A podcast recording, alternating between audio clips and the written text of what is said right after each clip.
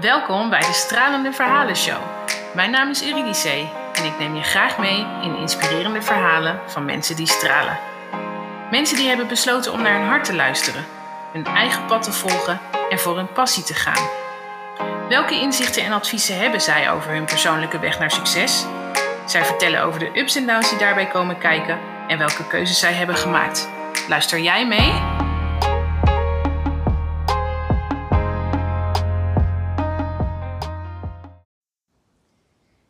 Heb jij enig idee wat jou tegenhoudt om te groeien?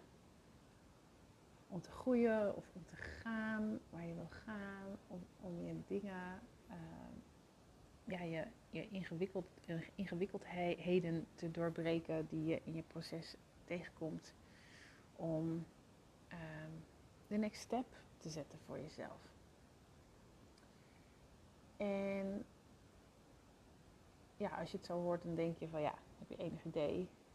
Uh, klinkt dan heel rationeel om uh, dingen uh, zeg maar op te gaan noemen of praktische dingen op te gaan noemen. Alleen heb je wel eens een deep dive genomen in je verleden. En dan bedoel ik echt een deep dive in je verleden. Een deep dive naar het moment dat je kind was. En dat je misschien met je ouders of met je broertjes en je zussen of met je um, vrienden in bepaalde situaties terecht kwam. En wat triggerde dat bij jou? Want heel vaak zijn de dingen die we meemaken en waar wij onze eigen betekenis eigenlijk op, uh, ik zeg even opplakken, als kind.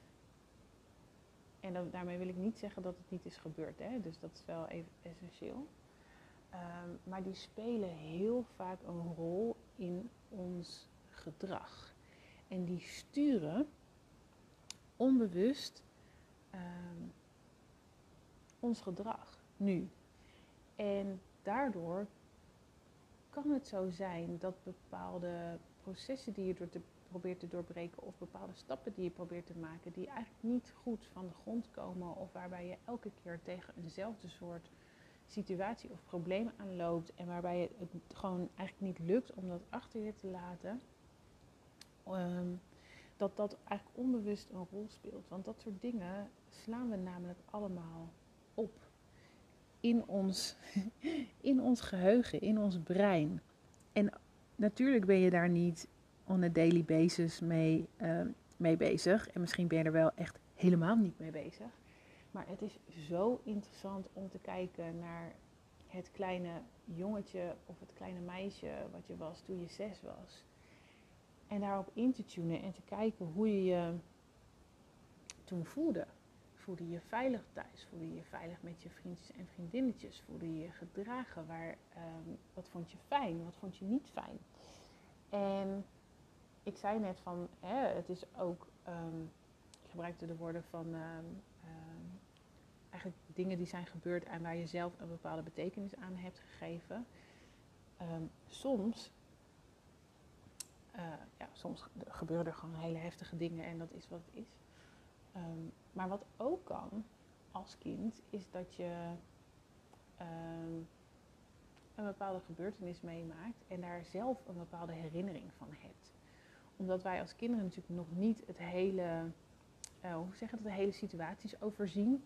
We weten niet zo goed als volwassenen, denk ik, uh, wat er allemaal speelt. En, en, en natuurlijk zijn er ook momenten dat het wel zo is. Maar het kan best zijn als jij je bijvoorbeeld afgewezen voelt. Of als je moet zeggen, nee, nu niet. En ja, dat, jij, dat dat bij jou een ontzettende trigger is. Omdat je denkt van, oh weet je, ik ben niet goed. Of um, uh, ja, ze moet me niet. Of noem het maar op. En... Um,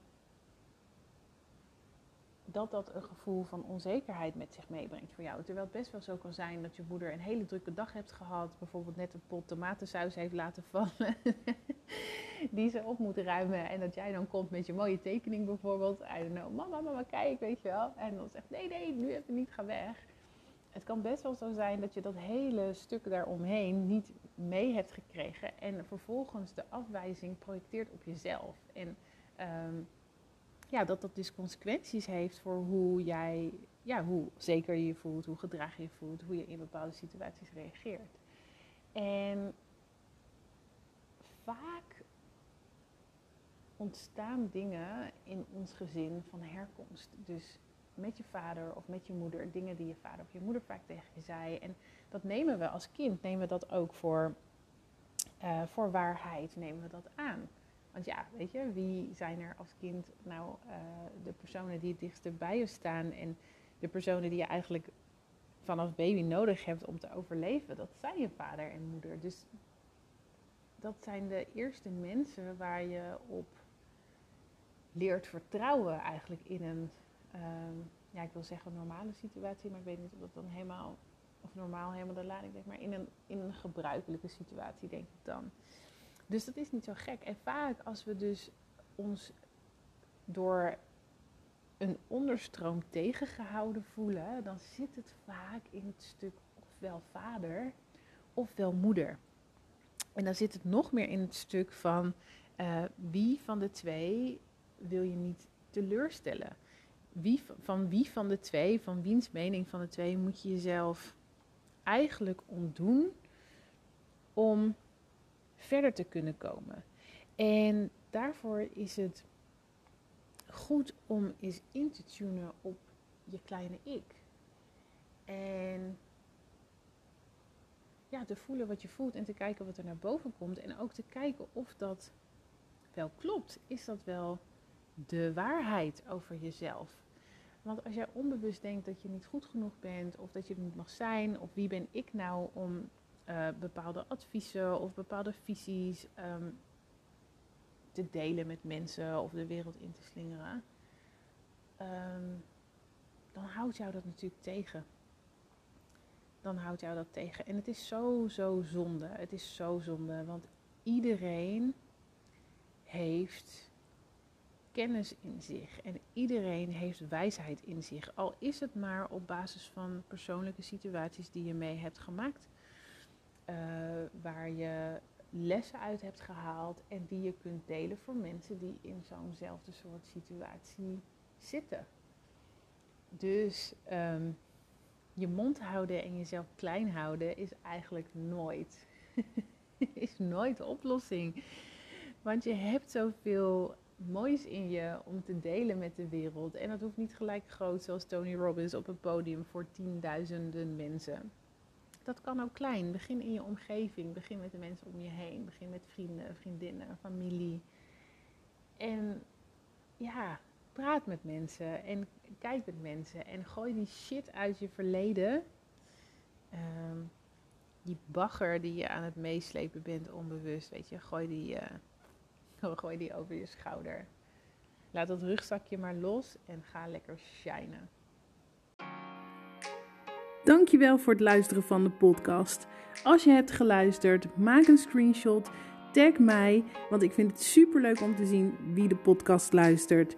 En vond je de podcast waardevol? Laat ook een review achter of deel hem met iemand waarvan je denkt die moet deze podcast echt horen. Onwijs bedankt, geniet en tot gauw.